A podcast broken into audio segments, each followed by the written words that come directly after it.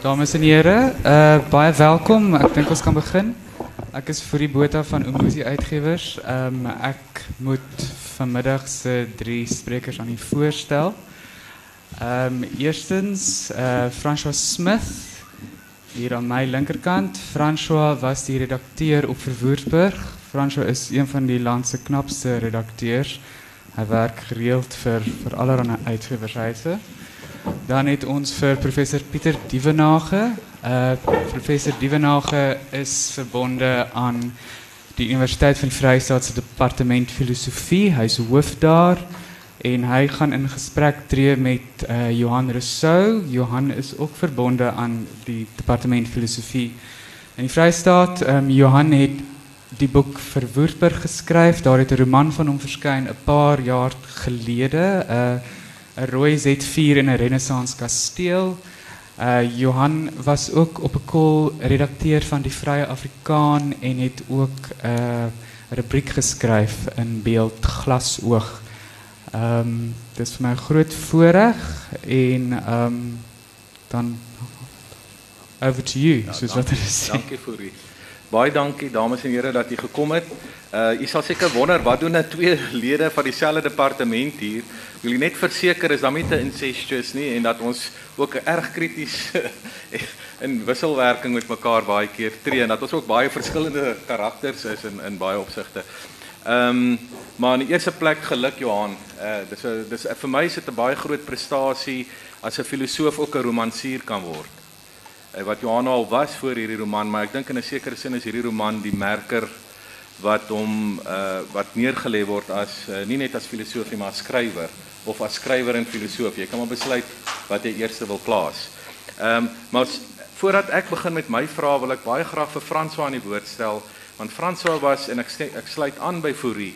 Uh hierdie elegante redakteur in die agtergrond maar wat 'n wat 'n groot rol gespeel het en ek wil ook Fourie se punt onderstreep dat ek dink François is een van ons beste uh fiksie redakteurs ehm um, en ook nie fiksie redakteurs en as dit by fiksie kom doen hy nie net prosa nie maar self ook die poësie hy hy was ook die redakteur van die aangrypende bundel van Louis Esterhuizen wat uh, Dinsdag hier uh, bekend gestel is. Frans wil jy iets sê van jou ervaring om saam met Johan te kon werk en dan 'n eerste vraag moontlik aan Johan vra en dan gaan ek ook vra vra. Ja, van my ervaring om met 'n titel soos Verwoerburg gekonfronteer te word. Dis erger as Z4 in 'n Renaissance kasteel. Ehm um, Kyk, ek dink eh, 'n manier om met die deur in die huis te val is om uh, te kyk na wat die heel eerste kwessie was wat ek en Johan moes deurtrap in en wat ek aanvanklik gekry het was hierdie manuskrip met 'n reeks ehm um, vertellers wat die een na die ander vertel. Intens, emosioneel, woedend, betowerd, meegevoer vertel. En my eerste vraag was aan Johan: Waarom vertel hierdie mense? Waarom moet enigiemand wat die boek lees kennis neem van wat hulle te sê het? En dit was die eerste kwessie as jy jou goed kan herinner wat ons moes deurtrap het. Waarom vertel hulle? Miskien is dit 'n 'n 'n goeie manier om te begin as jy jou weer kan terugdink en hoe jy moes antwoord, waarom vertel hierdie ouens? Ehm um, ek dink die, die groot rede is omdat uh, ek sou sê tweeërlei in die eerste plek uh wil hulle van geweet word. Uh dit is 'n uh, dis 'n groep mense wat wat my betref uh kyk wat ek dit so stel die die sentrale ding wat hulle lewens uh in 'n rigting stuur, eintlik konstitueer is hulle is voorberei op 'n wêreld wat op die rand van volwassenheid sonder waarskuwing verdwyn. En dit is en dis ook hulle bevryding, daai verdwyning. Uh en dit is iets wat hulle van uh probeer sin maak. Uh en ek dink dit is die een groot rede waarom hulle wou praat. En gewoon deur hulle eie verhale te vertel in daai vertelling te probeer sin maak soos wat baie mense in afval ons maar doen met stories. En dan die tweede ding is ja, soos ek sê, ek dink dit is 'n dis 'n kwessie van om op te staan en te sê ons is ook hier. Hierdie is ons storie. En uh wat vir my baie interessant is baie keer as ek um, te maak kry met mense van my geslag Afrikaners is daar's onmiddellik 'n stuk bekendheid. En ek het lank gewonder hoekom dit so is. En my verklaring is maar dat ek ek dink hierdie groot omwenteling wat ons onverwags deur is. Ons kom uit 'n baie gestandardiseerde opvoedingsproses en dan ehm um, tref hierdie ding ons ehm um, en dit dit moet by mense 'n soort van uh, ervaring laat van 'n uh, groot verwarring, uh, groot ontsteltenis, verlies, maar aan die ander kant natuurlik ook verligting, bevryding en so aan. En dan kom jy nou by die mense en dan gesels jy met hulle en jy jy jy vind 'n stuk bekendheid. Uh en en ek dink ek ek het almal soms gehoor dat as mense saam 'n groot uh traumatiese of ontwrigtende gebeurtenis oorleef het. Ek wil nou spesifiek nou maar nie meer as dit sê nie, maar dan bestaan daar 'n soort ehm um, kameraderie, 'n soort gegeewe onderlinge bekendheid al het die mense mekaar dalk nog nie van tevore persoonlik leer ken nie. Ja, ek dink uh, wat ek ook aangevoel het en waarby ons uiteindelik uitgekom het was dat hierdie mense se aanvanklike ontsteltenis was ehm um, dat hulle vertel dis was in iemand anders se storie. Dis hoekom hulle kwaad of ontsteld ehm um, en in baie opsigte gevlei was ook. Ja. Maar hulle aanvanklike reaksie was juis dat hulle in 'n boek was. Ja. Ja, en ek bedoel ek dit is een van die miskien moet ek ook net dit sê ter agtergrond dat toe toe ek die teks gegee het vir ehm um, vir Umuzi uh is dit al deur 'n paar herskrywings en deur 'n paar lesers se hande, maar ek kon aanvoel die teks is nie waar hy moet wees nie. Maar kon nie my vinger daarop lê nie. Ek was te naby aan die teks. En ehm um, dit is hoekom ek vir Frans wou gesê het vat hierdie ding en werk met hom en bring aan die lig wat wat latent is maar wat ek nie kan sien nie en werk nou maar my galok in die proses wat jy natuurlik uitstekend gedoen het. Ehm um, uh so in in in in en eintlik toe Frans nou 'n bietjie pot begin roer uh het ek gesien maar my magtig dit is die mense is kwaad of gevlei soos jy sê omdat hulle in hierdie boek is. Ja, ek uh, dankie François vir daai wonderlike inleiding. Ek moet sê ek het so 'n bietjie 'n ander rol gespeel. Ek het as vriend die die vorige tekste gelees. Nou die vorige, daar's mos nou ek dink uh, Prof Kannemeyer het gepraat van holograwe. Ek het maar ek noem dit maar ontwerpe, die vorige ontwerpe van hierdie roman gelees. En vir my was dit ongelooflik om te sien hoe 'n redakteur en 'n uh, outeur werk. Want toe ek uiteindelik die boek kry, was daar kon ek kon ek regtig die hand uh, sien en die in die wonderlike kameraderie wat daar moes gewees het in die agtergrond. So dit was vir my in baie opsigte 'n wonderlike leerskool. Ehm um, ek wil net iets sê oor die verhaal hoe ek dit lees. Ehm um, en dit is dat die eerste gedeelte ehm uh, die heel eerste gedeelte is natuurlik vir Woerburg stad uh, wat aan die woord is wat oor haar kinders praat. So dit is 'n baie interessante perspektief waarmee die boek open. En dan is dit eintlik 'n woedende deel. Uh die dis die woedende uh die hoofkarakter is Jakes uh wat met in perspektivisties in gesprek tree uh met sy vriende uh van sy tydgenote en maar dis disjunktief nê nee, dis dis dissonant dis baie dissonanties ehm um, want dis die verskillende perspektiewe op mekaar. En dan die laaste gedeelte is eintlik 'n elegiese gedeelte. Dis eintlik 'n aflegging van die-self en 'n en 'n relativering van die hoofkarakter. Dis hoe ek die, die roman uh lees. So ek wil vir Johan vra het jy doelbewus ehm um, wat lê agter hierdie hierdie vele stemme soos Frans wou aangedui het en en hulle hulle weerspreking van mekaar die arrogansie van die hoofkarakter en uiteindelik ook die laaste gedeelte wat vir my baie legies is en amper 'n aflegging van die self is sonder 'n ontkenning van die self wat na die einde toe beweeg. Ja kyk om om myself te word moet jy diself ledig. En dit is 'n baie sterk uh motief in in in die roman en ook in my eie oortuigings. Uh wat betref die veelstemmigheid van die roman is ehm um, ek dink mense het hierso te doen met uh hoe individue reageer op dieselfde proses waardeur hulle is, met die gestandaardiseerde opvoedingsproses en dan die verlies aan die wêreld um, waarvan dit deel gevorm het. En en daar dink ek is die die ding wat my maar dikwels opgeval het so in die, in die alledaagse lewe is um, my geslag sit met die dilemma en miskien 'n mate ook ouer Afrikaners dat uh, die ideale waarmee jy gevorm is, um, is is dikwels ook gekorrumpeer alreeds toe jy dan da, daarmee gevorm is, toe dit aan jou oorgedra is. En dan is die vraag wat maak jy daarmee? Ek bedoel jy kan jy kan sê maar goed, ek gaan ander ideale begin nastreef of ek gaan hierdie ideale ehm um, so goed as moontlik met integriteit probeer inhoud gee. Uh en ek ek het baie hard probeer om my in te dink, in te verbeel in hoe verskillende individue ehm uh, sou sou sou met hierdie werklikheid werk. En ja, dan dan jy die veelstemmigheid. Uh ek weet nie wat jou vraag antwoord oor die spanning tussen uh, Jakes en hulle nie of jy hmm. daaroor iets wil. Nee, dit dit antwoord dit groot mate. Ja, dit is uh dit is my baie interessant dat jy dit en dit is wat ons ook agtergekom het dat aanvanklik het jy min of meer hierdie verskillende reaksies gehad op 'n bepaalde idee. Reaksies op die manier waarop ons groot uh, groot geword het, reaksies op 'n bepaalde tradisie, op 'n bepaalde verlede wat almal op sigself interessant was.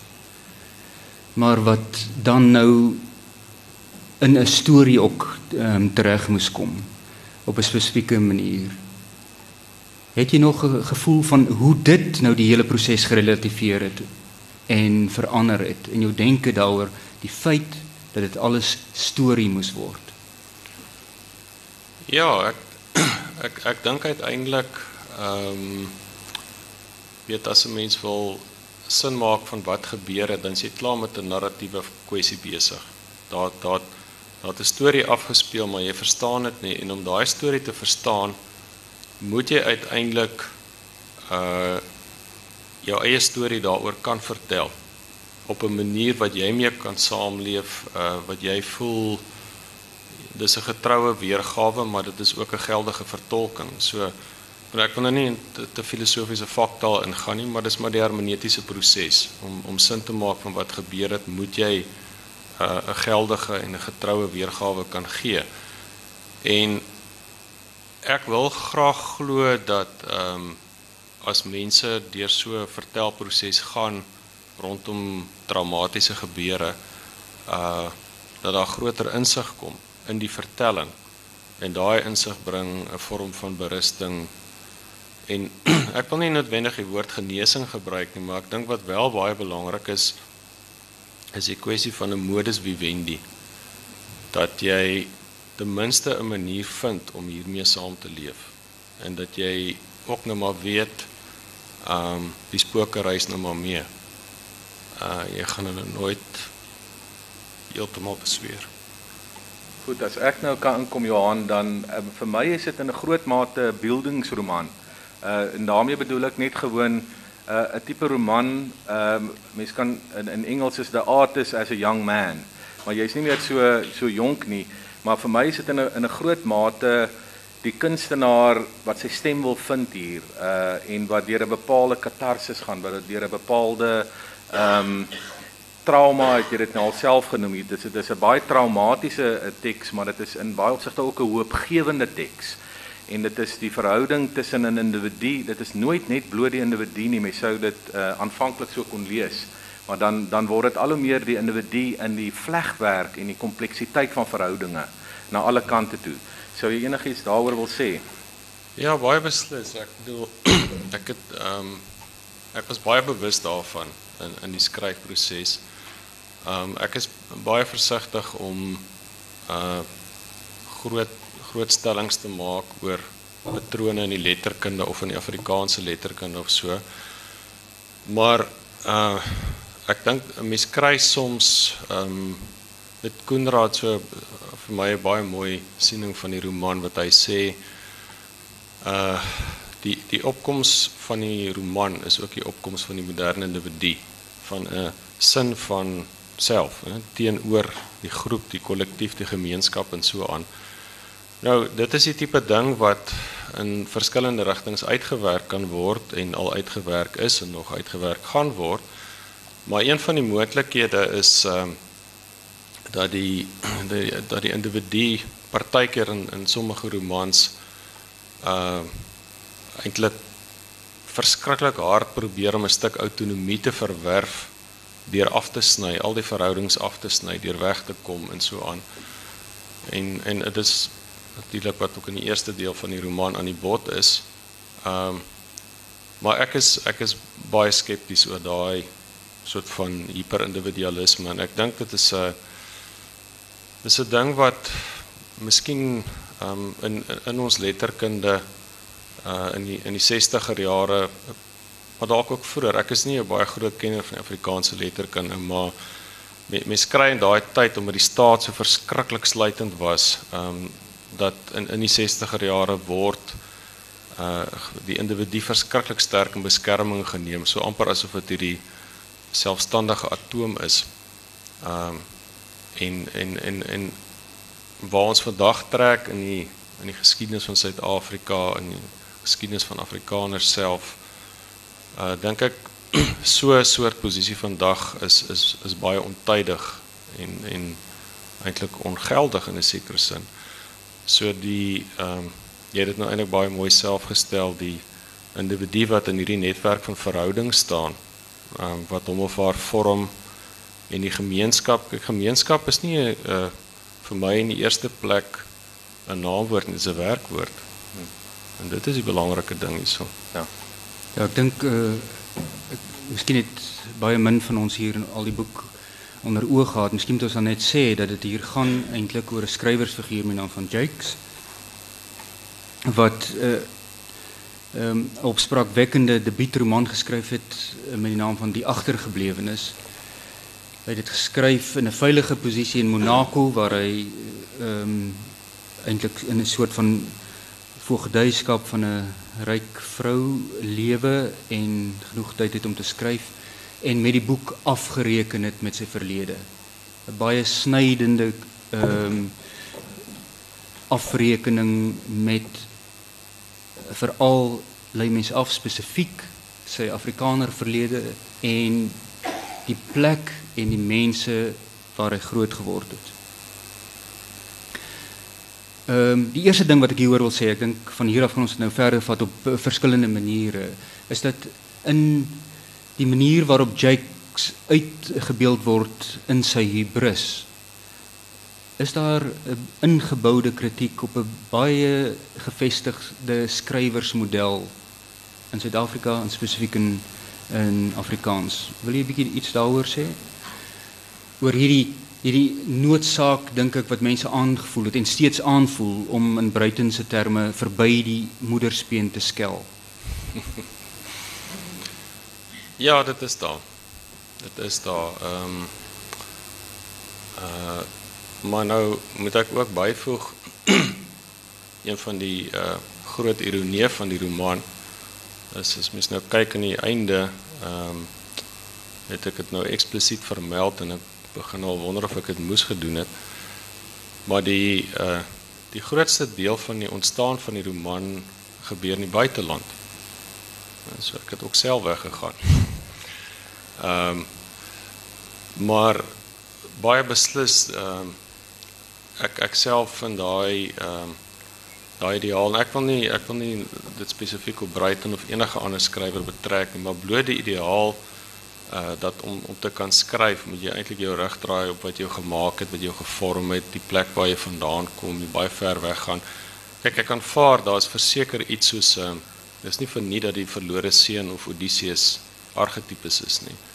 Die die weg gaan om diself te verstaan en Odysseus is natuurlik 'n interteks van Verwoerdburg of die Odyssee.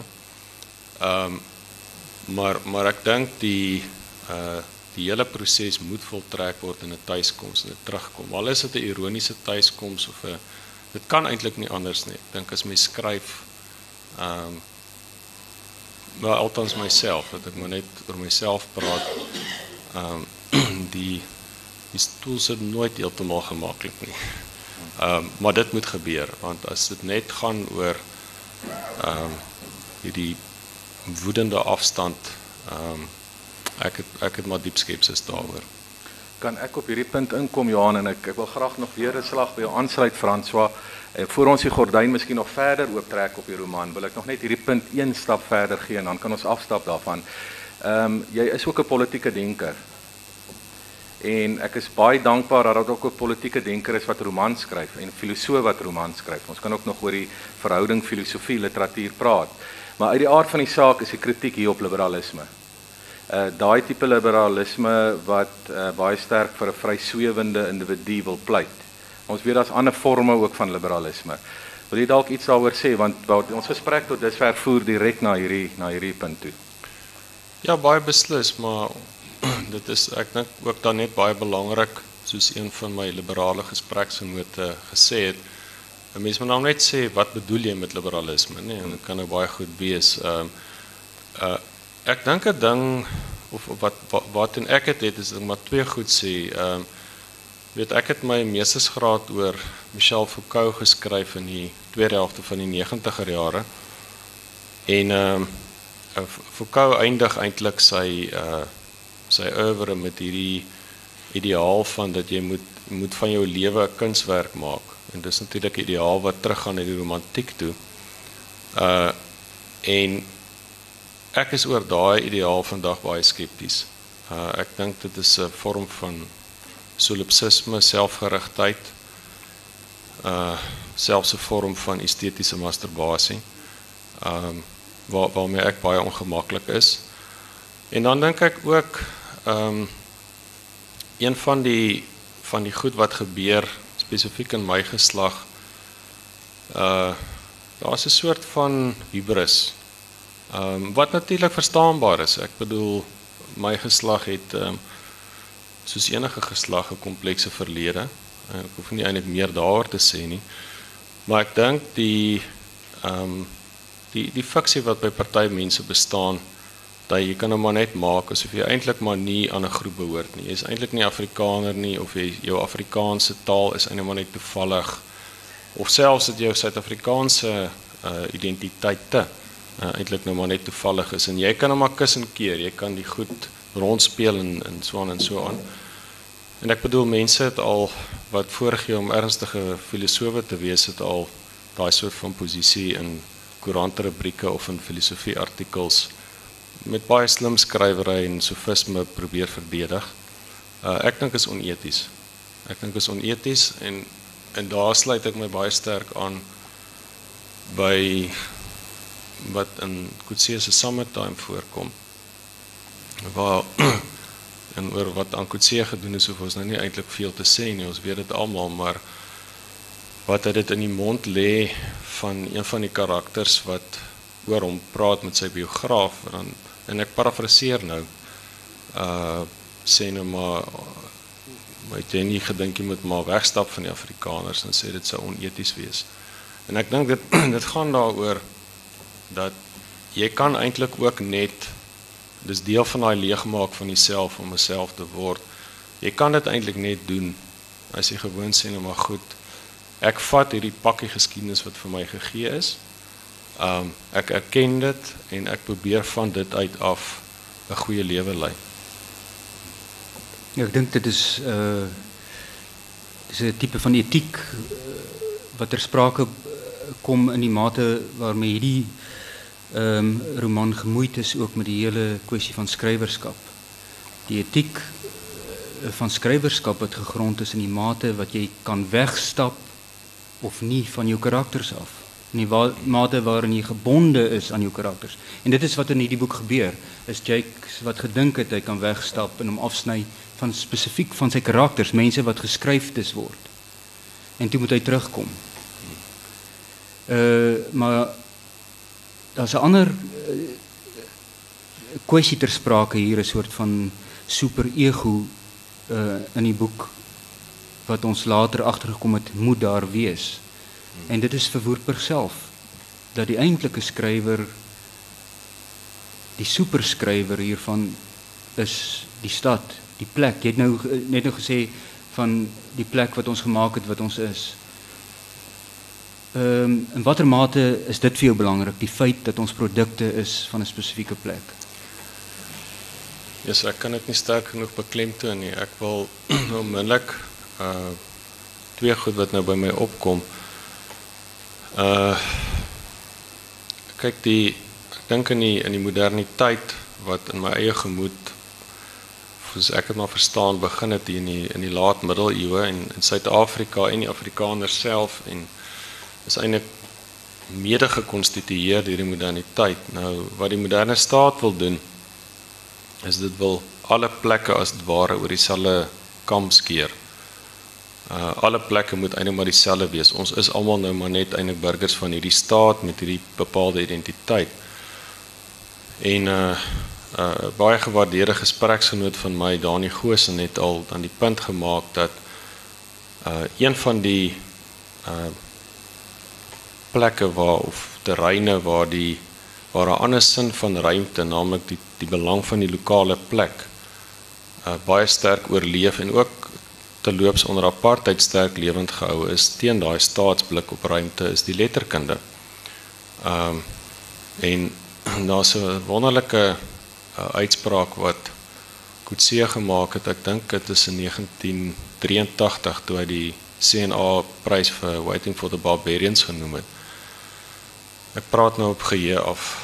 Ehm uh, maar het hy 'n voorspraak gemaak vir wat hy genoem het 'n provinsiale letterkunde. Uh en hy dan verwys daarna dat sê nou maar die groot Russiese skrywers van die 19de eeu wat hom nou beïnvloed het is eintlik provinsiale skrywers. Want Dostojewski skryf die broers Karamazov uh oor 'n ou klein dorpie. En die goedjies wat daar rondom gebeur, maar dit dit verkry universele Pamuk Istanbul wat Pamuk is is een van my helde. So daai daai sin van plek dink ek is ongelooflik belangrik um, om om dit in beskerming te neem. Wat wat politiek is, né? Dis 'n politiek filosofiese houding en 'n etiese houding want dan die ander ding wat ek dan net gou-gou daar wil sê is ehm die die feit van die saak is uh hoe ons ook al na die werklikheid kyk begin iewers. En daai iewers sluit in die plek waar jy groot word. Uh dit sluit in die taal wat jy praat, dit sluit in die geslag wat jy is en 'n mens sou die lys kon aanvul. En daai goed bepaal jy nie. Jy bepaal dit bepaal jou. Op 'n stadium begin jy terugpraat daarmee. Dis wat mense noem volwasse wording. Um maar deel van daai volwasse wording is gewoon te sê net maar dis van hierdie plek af wat ek in die wêreld kyk. En, en Google wat die jongo sê die, die wêreld begin tuis. En jy weet as jy nou kyk na Verwoerdburg en eh, Ethel Fugard het so 'n ongelooflike mooi ding in 'n onderhoud met die burger gesê, ek dink in 2004 2005. Boerling van Port Elizabeth wat staan op 'n straathoek in San Diego waar daar 'n teater is wat sy werk permanent opvoer. En hy sê ek staan op hierdie straathoek en ek dink by myself, ek ken nie die kode van hierdie plek nie.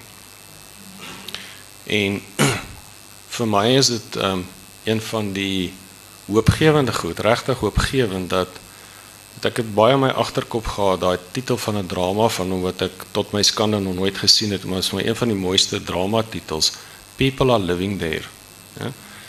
En as jy nou dink oor 'n plek soos Verwoerdberg bloot op 'n simboliese vlak, die voorstedelikheid en die assosiasie met die verwoerd figuur en so meer Jy kan nou eintlik ek dink vir buitestanders baie maklik dink wat 'n agterlike plek en wat wat 'n wat 'n hoop het iemand wat nou daarvandaan kom, jy weet.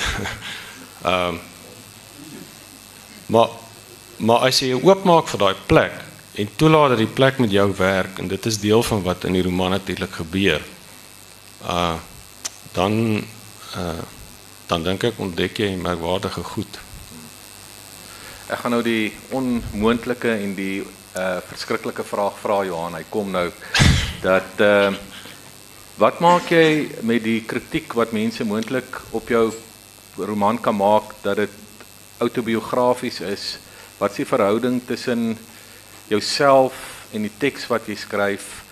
En is daar nie ook 'n onbillike verwagting dat of eintlik 'n onbillikheid in die vraag, maar is dit autobiografies nie? Wil nie iets daaroor sê nie want uit die aard van die saak gaan mense en dit is gemaak ook in 'n resensie nou uh deur Thys Iman paar dae terug dat die skrywer van die roman was ook oor see ehm um, die skrywer van die roman was ook eens by 'n kultuurorganisasie en natuurlik is daar uiteindelik in die boek wat uh, Frans nog nie verder gepraat het, die gordyn verder op die roman ooptrek, is daar natuurlik die skoolreunie. En as mens gaan kyk na die biografie van die skrywer, was die skrywer in 'n bepaalde skool, Hoërskool Eldorein wat in die in die roman is. Wat sê ek as jy nie die vraag wil beantwoord nie, is dit ook reg, maar uh, uh, in 'n sekere sin dink ek ons kan ook nie hierdie vraag ontduik nie.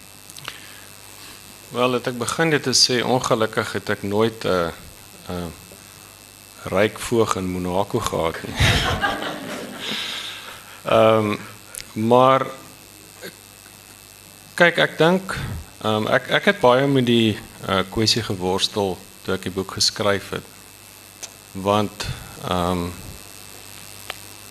jy wil 'n bepaalde stuk insig probeer oordra wat natuurlik 'n vreeslike hoë ambisie is.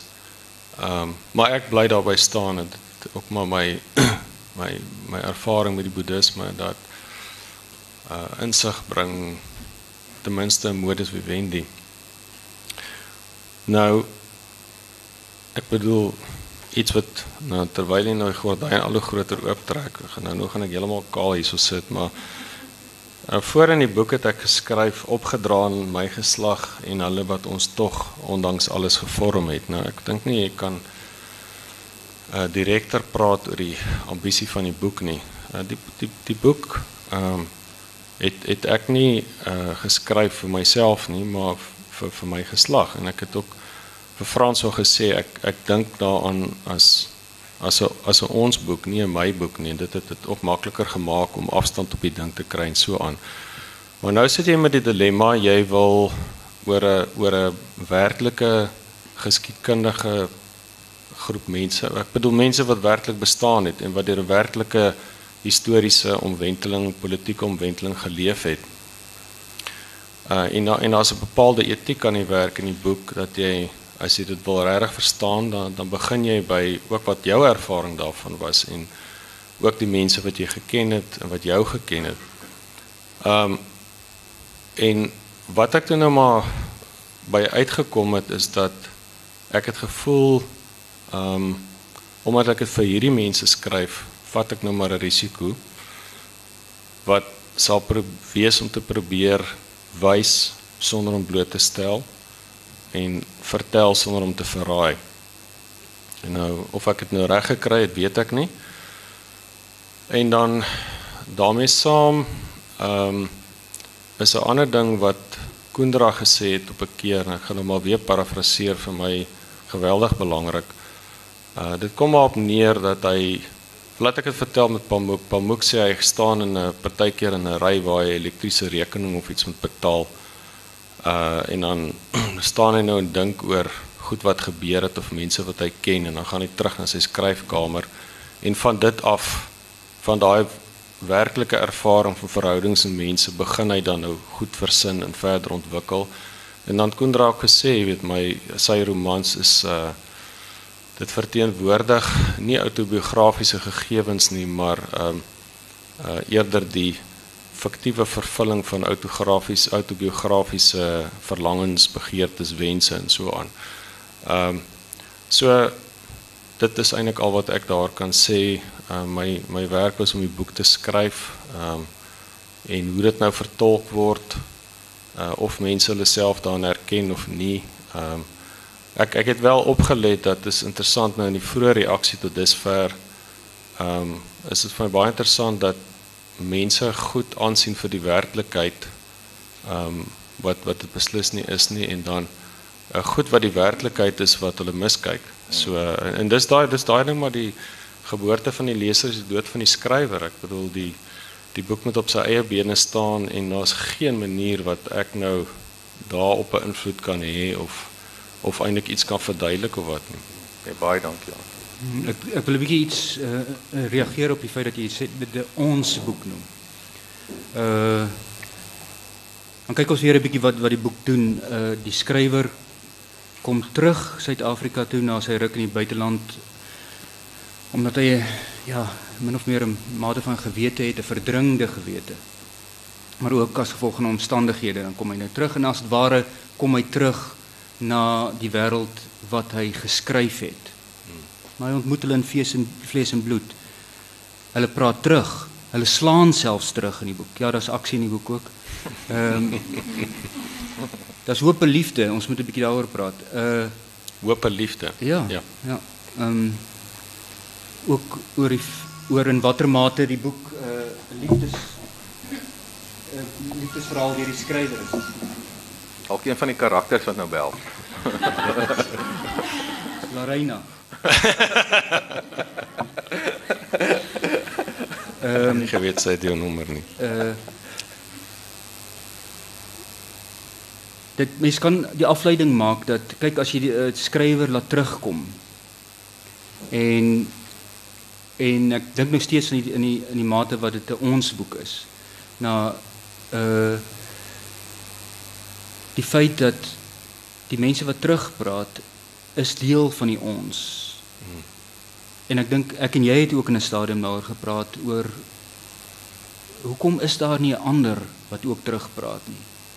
Hoe sou die hele situasie verander het as daar 'n ander was? Sê nou maar 'n swart 'n 'n 'n mens, iemand van buite die groep wat gepraat het en vrae gevra het oor hierdie karakters, hierdie skrywers se bemoeienis met ons en ons geskiedenis en ons wêreld.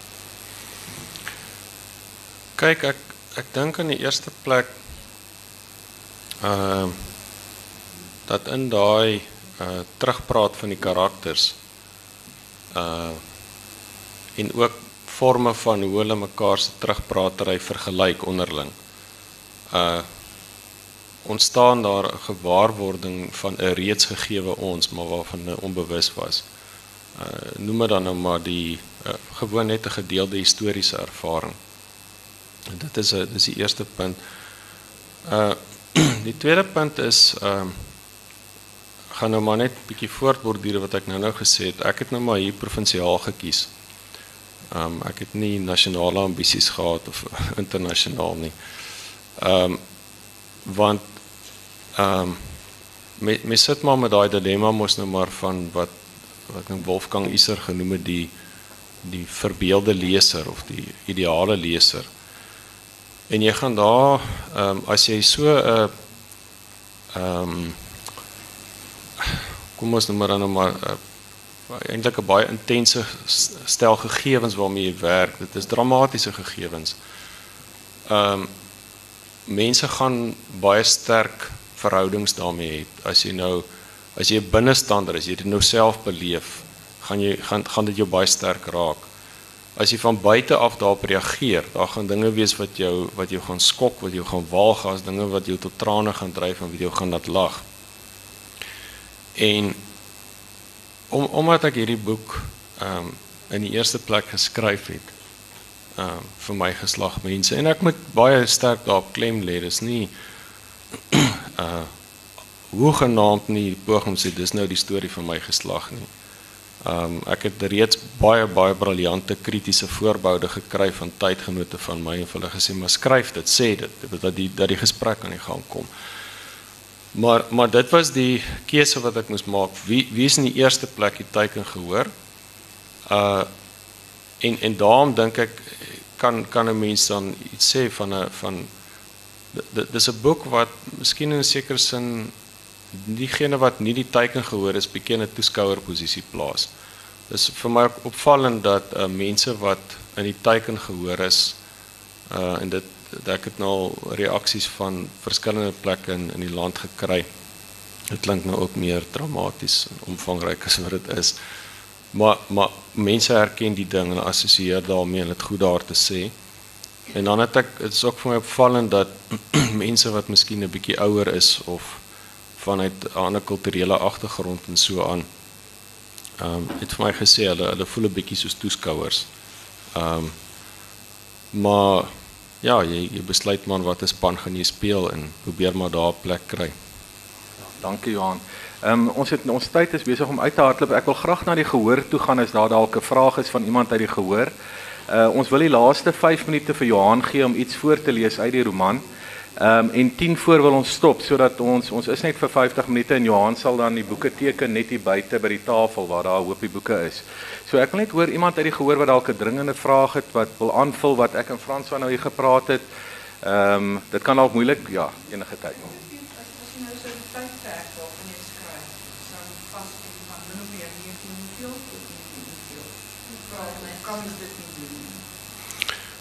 As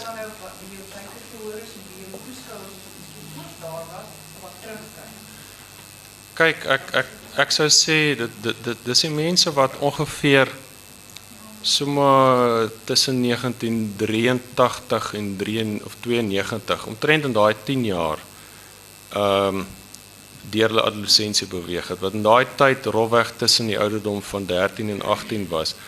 Uh en dis nogal vir my belangrik want ek persoonlik dink mense kan dit verskriklik lank op aangaan, maar ek persoonlik dink dat ehm um, jou jou adolessensie het 'n baie groter invloed op jou volwasse lewe en wie jy uiteindelik word as wat die eerste 6 jaar het. Ehm um, so dis daai maar dan ook dit betrek dan ook die mense wat daai mense gevorm het. Uh die ouers, die onderwysers en so aan en ek het ek het reeds van sulke mense ook ehm uh, baie baie interessante reaksie gekry. Ja, Ingrid. Ehm um, ek dink dis in daai slow man wat jy sê is die karakter sê ehm um, I'm a writer not a thinker. Ja. Jy is 'n filosoof. Jy jy ooit wat die implikasie is dan dat 'n soort sê maar novelistic imagination is in meer filosofiese manier van dink. Het jy ooit gevoel dat daar 'n soort botsing is? Kyk, daar is Ja. dinge soos die dierroman. Ja. Maar jy ooit gevoel dat daar 'n strydigheid Nee. Weet jy, um, Ingrid, ek het in my so in my in my in my 20s, in my vroeë tot middel 20s het ek dit baie sterk. Ek kon nie geskryf kry en so aan want daar was daai maar die die persoon onder wie ek my meestersgraad geskryf het, die aand wat wat dit nou gevier is. Uh toe sê hy vir my uh, moet nooit probeer kies tussen die twee nie. Laat hulle met mekaar praat. En sê dat dan is die is die probleem eintlik opgelos en dan die ander ding wat daarmee saamgaan is um, dit sal miskien nou nie vir enigiemand 'n verrassing wees nie die miskien een van die grootste probleme wat Frans van my moes help oplos is dat die idees was sterker as die storie. Ehm um, maar ehm um, ek ek ek het uit die aard van die saak my filosofiese opleiding en so en belangstellings het ek 'n baie sagte plek vir die idee roman en hierdie is ook 'n idee roman. Maar ehm um, ek dink die in, in in my eie gemoed is die narratiewe en die konseptuele uh onlosmaaklik aan mekaar verbind en dankie tog daarvoor want anders sou ek myself lankal gek gehad het. Hy ek dink op daai wonderlike wil jy net sluit dit sluit dit aan. Okay, dan sê die laaste een. Baie dankie. Ja. Nee, graag. Daar's gepraat van jou werk as filofiksie. O ja. Ek het sommer net al gewonder jou vraag of jy dit sou sien as negatiewe of positiewe resensies of opmerkings. Kyk, ek het die die eerste boek het ek pertinent filofiksie genoem. Ja, omdat dit omdat dit ook so 'n bietjie van 'n verklaring was. Dit al twee is vir my belangrik en ek hoop hulle kom by mekaar uit. Ehm um, en en ek dink Tuis die man het in sy resensie gesê hierdie is vir hom ook baie filosofiese fiksie of so iets. Uh vir my is dit 'n kompliment. Ek is, ek sê baie dankie daarvoor, maar dis die soort fiksie wat ook tot my spreek. Goed, ek dink ons uh, om nou af te sluit, gaan Johan vir ons 'n gedeelte wat hy self gekies het uit die roman voorlees wat so 3-4 minute gaan wees. Dit help nie om dit langer te ontken nie. Daar's 'n duidelike patroon, 'n stadige uit agteruitgang oor die laaste paar weke as ek nou mooi daaroor dink. En ek het 'n baie goeie spesmaas dit het met Sophie en Leo se briewe begin. Dit maak nie saak hoe getrou ek soggens by my lesenaar gaan sit nie. Ek hoor nie meer my skryfstem nie. Nie as ek stip na die grenslose speelsee kyk nie, nie as ek my oë toemaak nie. Veral nie as ek my oë toemaak nie. Want dan word ek oorval deur onwelkome beelde van vergane dinge wat met ewige emosie gepaard gaan. Heeltemal onverklaarbaar. Om onder 'n seil in druppende reën by Skomansdal se veldskool saam met Stefan en Karel ons stukkies hoender oor 'n dromvuurtjie gebraai te probeer kry. om soos 'n windmeel by die sokkie my arms te swaai op YouTube se Sunday Bloody Sunday. Om op 'n Saterdagmiddag in die winter van die OK in Verwoerdbergstad of huis toe te ry op my fiets in die Vaalveld te sien. Om weer agter my kasregister in die OK te staan die keer toe Eileen haar kruideniersware by my kom betaal het. Om die fyn aartjies op haar slanke nek in die kerk af te loer.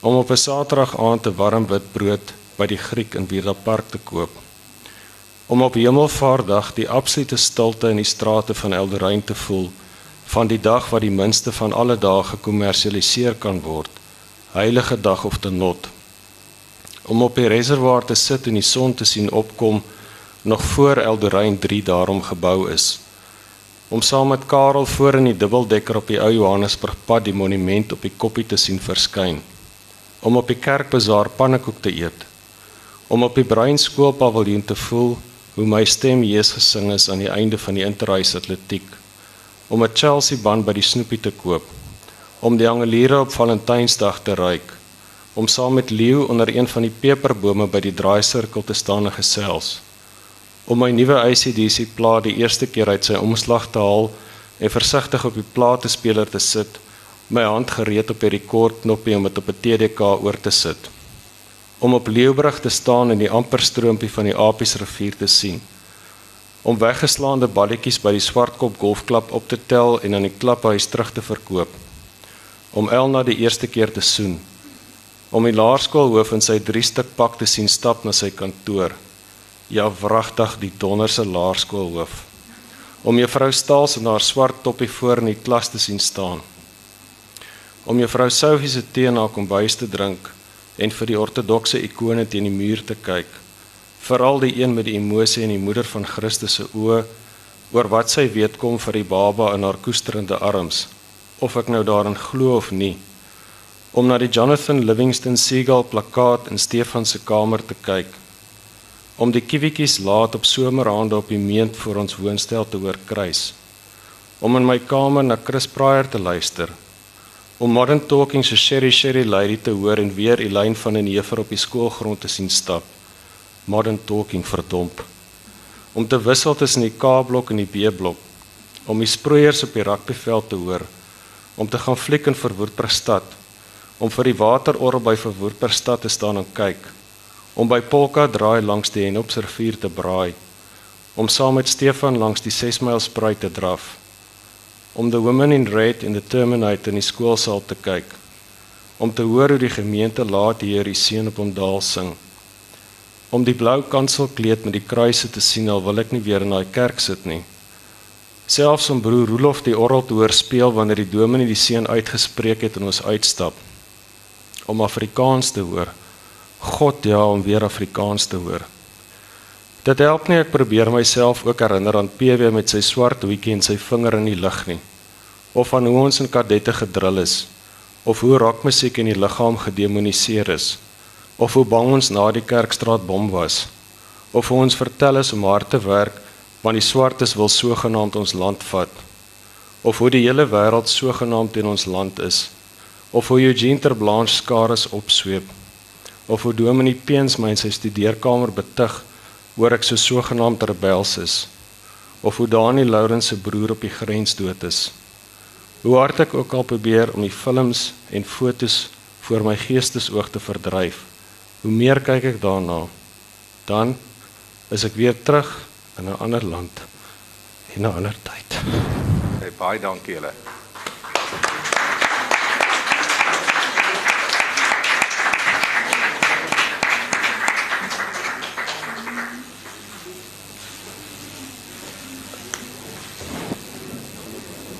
Ja, ehm um, Johan sal nou buite by die tafel sy boeke teken, die van julle wat dalk 'n uh, boek wil koop, ehm um, of 'n boek reeds het en wil geteken laat word.